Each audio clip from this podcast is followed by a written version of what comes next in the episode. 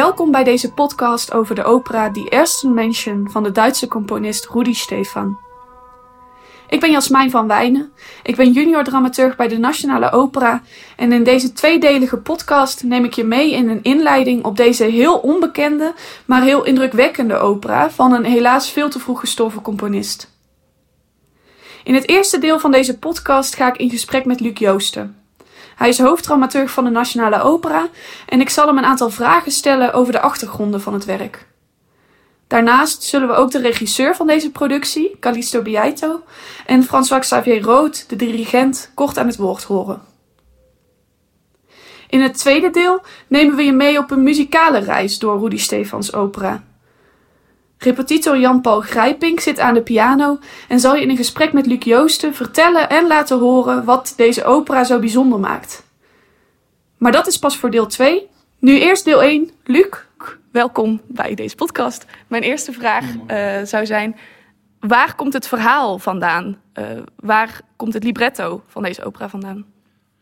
Ja, het is natuurlijk die eerste mensen, de eerste mensen. Het gaat inderdaad over de eerste mensen uh, niet in biologische zin van het woord, maar in de bijbelse zin van het woord. De eerste mensen op aarde, ja. Adam en Eva. Net verdreven uit het paradijs, die we terugvinden in de situatie, in de familiesituatie met hun beide kinderen, Kain en Abel. Uh, in de opera krijgen ze hun Hebreeuwse namen. Heet, Eva heet Gawa, uh, Adam heet Adam en de zonen die heten Gabel en Kain. Uh, wel, die vier figuren vormen eigenlijk de basis van het verhaal. En het is inderdaad een soort variant op het Bijbelse verhaal van Kain en Abel, van de broedermoord. Een thema dat in de cultuurgeschiedenis uh, en in de kunstgeschiedenis zeer vaak is opgegrepen, aangegrepen om kunst rond te maken, schilderijen rond te maken enzovoort. Um, en in dit geval hebben we eigenlijk die Duitse auteur Otto Borngrebe aan het begin van de 20e eeuw, die die mythe of die, die bij, dat Bijbelse verhaal opnieuw opgegrepen heeft en op zijn manier verteld heeft. En waar we in het oorspronkelijke verhaal een verhaal krijgen dat vertelde over de eerste broedermoord of de eerste moord op aarde, de eerste, het eerste grote menselijke conflict op aarde waarin dat geweld ervoor zorgt dat er iemand sterft, menselijk geweld ervoor zorgt dat iemand sterft.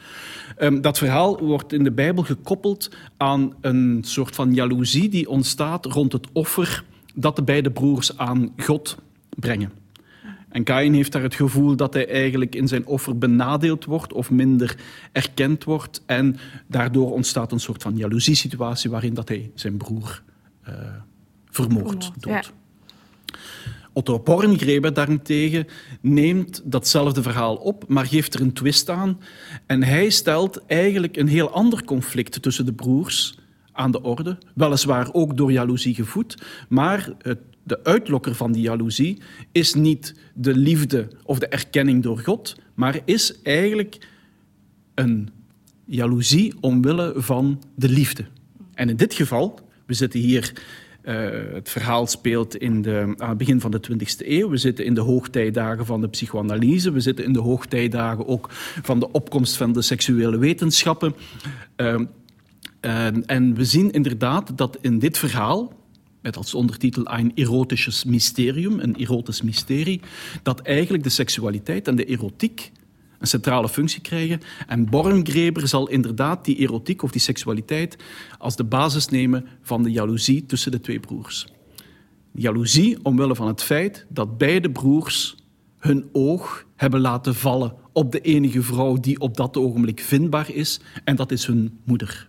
Ik heb het gezegd, we zitten in de tijd van de psychoanalyse, uh, we zitten in de tijd van het oedipale complex enzovoort. Ik ga daar hier niet te ver op ingaan, maar in ieder geval, je voelt heel duidelijk die achtergrond aanwezig. En uh, Borngreber heeft, die, heeft dat thema heel duidelijk opgenomen en eigenlijk in die vertelling verwerkt. Ja, ja.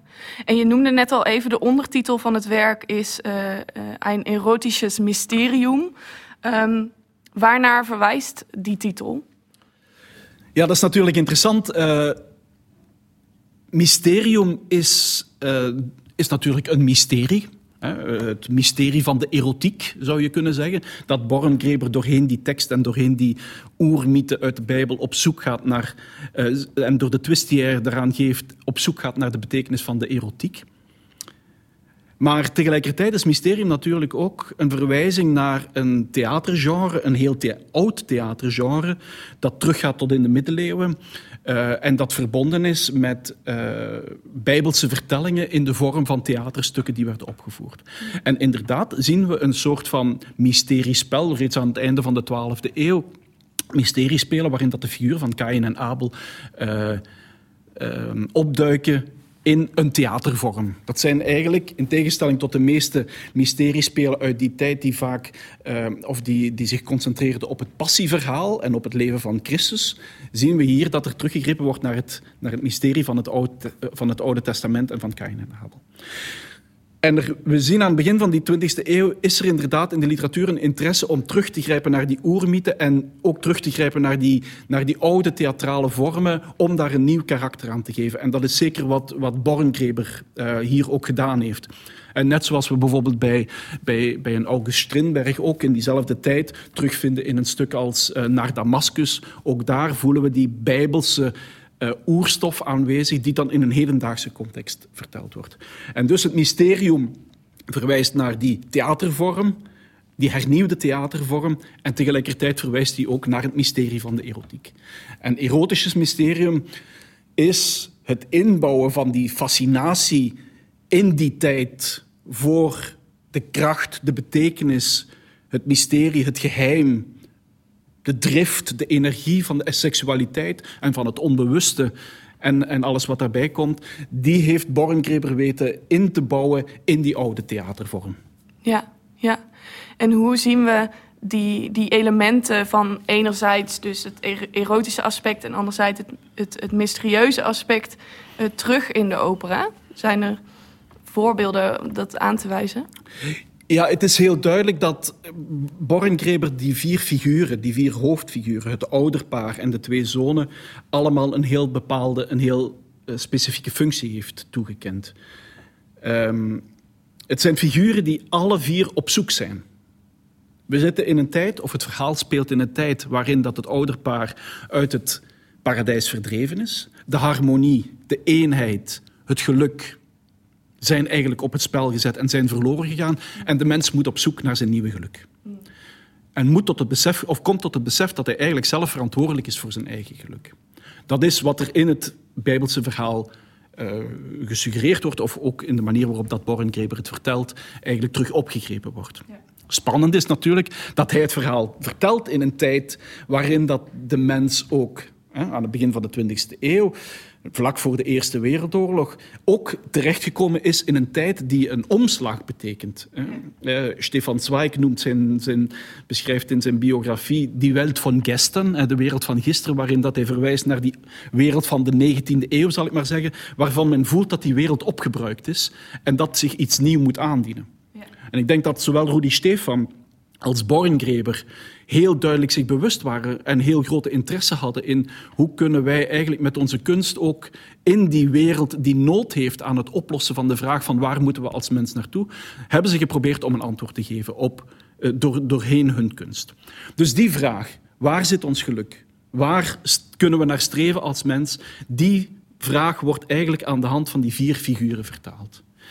En dan zien we dat een figuur als Adam, de figuur is die zegt van, kijk, het antwoord op die vraag is voor mij, de mens moet zijn eigen geluk creëren door aan het werk te gaan. Ja. Hij heeft de natuur ter beschikking, hij is de meester van de dieren en de meester van de, van de aarde, en daar moet hij het gaan doen. Hij moet de schub ter hand nemen, de grond gaan bewerken en eigenlijk op die manier aan zijn eigen geluk gaan werken. Heel praktisch, heel pragmatisch, heel doelgericht. Dat is waar we uh, op die manier kunnen we ons geluk bereiken. Ja. De figuur van Gawa, van Eva, daarentegen, die zit met een ongelooflijke zeenzocht, een ongelooflijk verlangen naar iets dat geweest is, maar niet meer aanwezig is. En dat is een verlangen naar de Adam zoals ze die gekend heeft in het paradijs waarschijnlijk. De Adam die, eh, waar zij uit ontstaan is. De Adam die eigenlijk als uh, jongeling met zijn kracht haar heeft weten te betoveren. Uh, het verleidingsspel wordt hier een beetje omgedraaid. Ehm, maar zij is inderdaad op zoek naar die oorspronkelijke kracht die ze vindt in, uh, in haar echtgenoot. En die ze nu eigenlijk verloren ziet gaan. Dus ze zet haar hoop op het hervinden van iets dat, dat geweest is. Het gaat over de liefde, de erotiek ook. Maar ook de kleine kinderen. Hè. Ze beschrijft heel duidelijk, in de opera schrijft ze, beschrijft ze heel duidelijk dat ze het genot van die eerste momenten met die kinderen ook, zoals we het soms in de schilderkunst ook afgebeeld zien nog. En, uh, Eva die met die twee kleine jongetjes zit, terwijl we Adam in de verte op het schilderij zien de, de, in de grond ploeteren. Ja. die, die beelden, dat is iets waar ze naar terug verlangt. En dan hebben we de twee zonen. En dan kunnen we zeggen dat die twee zonen eigenlijk een soort van extreme uitwerking zijn van ook de tegenpol die er bij hun ouders is. Langs de ene kant is er Kain. En Kain is op zoek naar de vrouw, naar dat Suze vibe. Hij, wil eigenlijk, hij voelt eigenlijk een drang waarvan hij niet kan zeggen wat het is. Zo'n beetje als Cherubino, die zegt van non so più cosa son cosa faccio. Ik weet niet meer wat ik doe, waar ik naartoe moet. Wat is het dat mij zo drijft? Wel, die Kain heeft dat eigenlijk in een uitgesproken mate en uh, met het karakter van een... Van, van, de, van het begin van de 20e eeuw, een soort van verhevenheid en een heftigheid. Uh, wil hij eigenlijk op zoek gaan naar een antwoord op dat verlangen. Ja. Het is de drift. De drift zoals bij Freud beschreven wordt, zoals ze beschreven wordt in de theorieën rond het onbewuste, zoals we ze eigenlijk ook al bij Schopenhauer vinden. Die Kain is daar eigenlijk 100% een, een, een, een, een belichaming van. Ja. ja. Die Kain wil zich verzoenen met ook de rijkdom. Het geluk van het leven zit voor Kain in het feit dat men eigenlijk aan die drang die men voelt, eigenlijk daar ook een antwoord aan kan geven. De rijkdom van het leven is eigenlijk, uh, laat zich voelen door in, in, in harmonie te komen of die drift te kunnen uitleven. En daartegenover staat die vierde figuur en dat is Abel. Abel, die zoekt zijn heil in iets anders. Die heeft het heil gezien. Die heeft het heil niet gezien op aarde, niet gezien in de grond of in de aarde die moet bewerkt worden. Die heeft hij ook niet gezien in de menselijke, intermenselijke relatie of in, de of in de menselijke erotiek of seksualiteit. Die heeft het heil gezien in het geestelijke leven. Die heeft letterlijk, hij zegt het ook, hij heeft God gezien. En hij heeft God gezien die aan de oorsprong ligt van waar we ons in bevinden of waar de mens zich op dat ogenblik bevindt. En dus die grote tegenstelling tussen het lichamelijke, het aardse aan de ene kant, het geestelijke, het goddelijke aan de andere kant, die spanningsverhouding is eigenlijk, ligt eigenlijk aan de basis van de vertelling of van het verhaal zoals we het door uh, Borngreber krijgen gepresenteerd. Ja, ja. Ja, dus dan heb je die vier personages die eigenlijk de belichaming zijn van elk hun eigen uh, drift, een eigen verlangen, eh, levensopvatting. En dan ontstaat het drama eigenlijk doordat die levensopvattingen met elkaar botsen. Dat die met elkaar in conflict komen. En met name door het feit dat die twee zonen op zoek naar een antwoord op hun verlangen de ene die het bij God vindt, de andere die eigenlijk eeuwig op zoek blijft naar, naar, uh, naar, naar een vrouw die dat. Die, of ja, letterlijk, eh, zegt hij letterlijk een vrouw die dat verlangen zou kunnen beantwoorden. Die botsen op elkaar. Wat gebeurt er nu? Beide heren die vinden ook maar één vrouw. En waarbij Gabel, die ondanks het feit dat hij eigenlijk zo een verheerlijking uh, weergeeft van het geestelijke leven en het geloof in God enzovoort, komt hij toch op een bepaald punt tot de constatering dat in de belichaming van zijn eigen moeder er een ander soort antwoord op zijn verlangen gegeven wordt. Hm. Weer die oedipale structuur, zal ik maar zeggen. Ja. En ook Kain wordt op zoek naar zijn vrouw die hij elders niet vindt, wordt eigenlijk naar zijn moeder gericht. En dus die beide zonen vanuit hun beide totaal ander perspectief op het leven vinden uiteindelijk, lijken voor zichzelf toch een antwoord te vinden in, de, uh, in hun verhouding of in de begeerte naar, naar hun eigen moeder. Ja. En daar ontstaat natuurlijk een, een, een zeer, tegelijkertijd een symbolisch, maar tegelijkertijd een zeer groot spanningspotentieel uh, uh, dat compleet openbarst. Ja. Adam is eigenlijk al een beetje aan... Die staat daar maar te graven en die staat daar maar zijn, zijn aardappelen te planten enzovoort. Die is eigenlijk buiten dat conflict een beetje eruit. Maar die twee, die twee zonen en die moeder, ja, die zitten compleet in die driehoek uh, vast. Hè. Ze voelen wel, hè, Kain zegt dat aan het begin.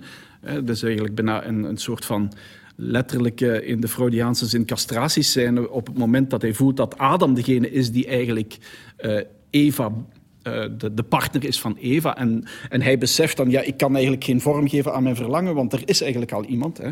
Ja. Uh, maar toch, dat, dat gevecht blijft eigenlijk gaande. En dat leidt tot die situatie van extreme jaloezie op het moment dat Kain, Gabel en Gawa, Abel en Eva, uh, in, verstrengeld in elkaars armen in een omhelzing ziet. Ja. En dat is het moment van, van uiteindelijk het ultieme moment van, waarop dat het geweld, echt het menselijk geweld, dat we eigenlijk in het stuk ook al op andere plekken voelen, uh, maar echt doorbreekt en eigenlijk uitmondt in de moord. Ja, ja.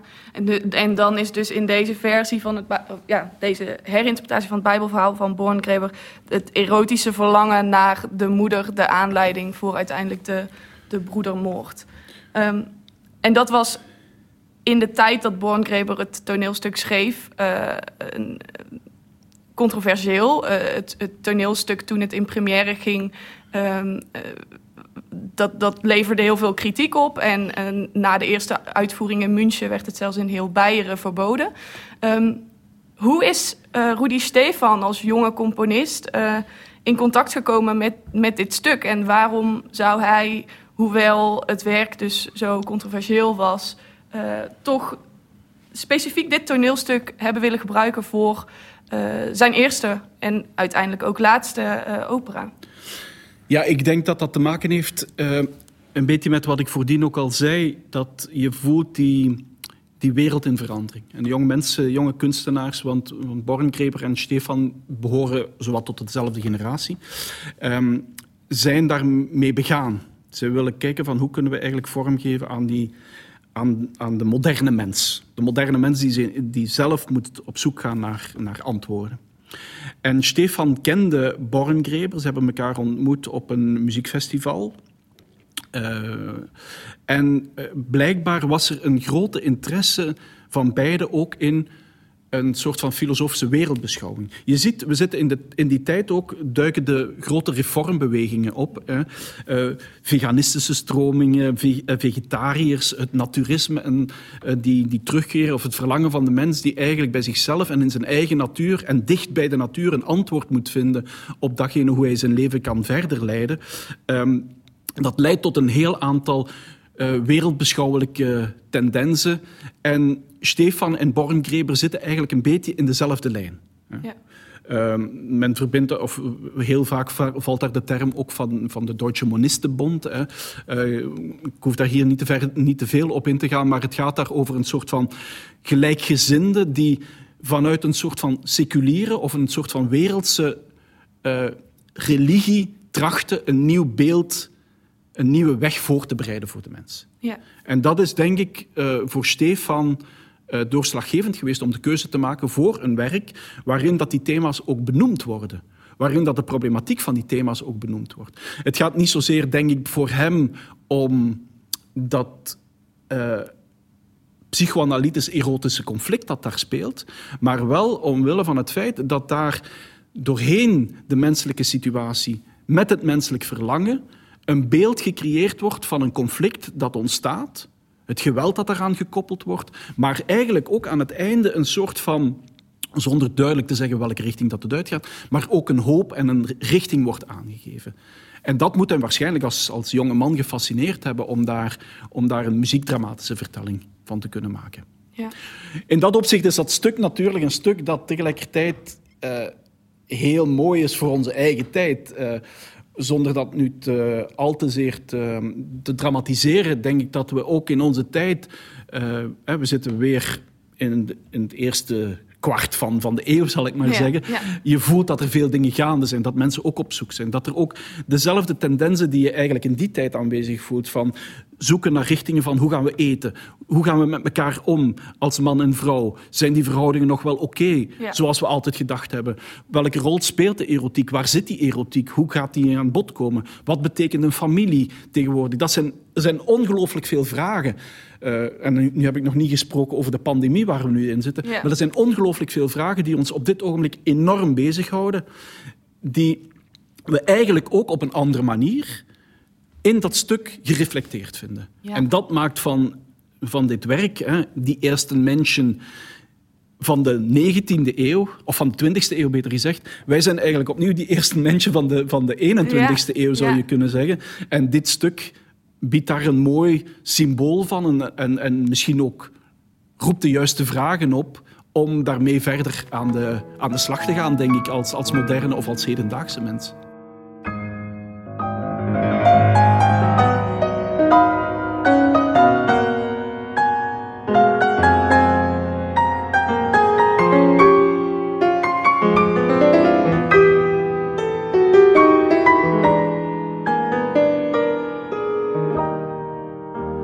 Eerder gesprek met de dirigent François Xavier Rood heb ik hem de vraag gesteld wat het nu eigenlijk betekent om een Ausgrabung als dit te doen. Een opera die zo lang niet is uitgevoerd, nu voor het eerst weer uit te voeren. The main thing is that uh, in music making you have normally, if I may say, but normally it's not normal. Music shouldn't be the end of the day normal music making, but you have a continuum when uh, a work is premiered, and after that, it's performed, performed, performed. And this line in the history of performing a work is, for many reasons, um, at the same time extremely important, extremely dangerous, for the performers because they think they know already because it was repeated so many times. And with such a work, for sure, we don't have this tradition of the work being performed through decades. So, first of all, the parts, the score is a problem because we have only one. And sometimes it's not so clean because the the edition is not that brilliant. Mm. So we have to make our way and also because he didn't write that much music, um, we have to make a specific work to to try to understand Rudi Stefan. Mm. So to go inside of his uh, uh, culture, where does he come from? Where could he go uh, after that, etc. A work that I normally do with every composer, but it's much easier when it's to do with Bruckner or to do with uh, uh, Berlioz because uh, there is this continuity and there is this knowledge also.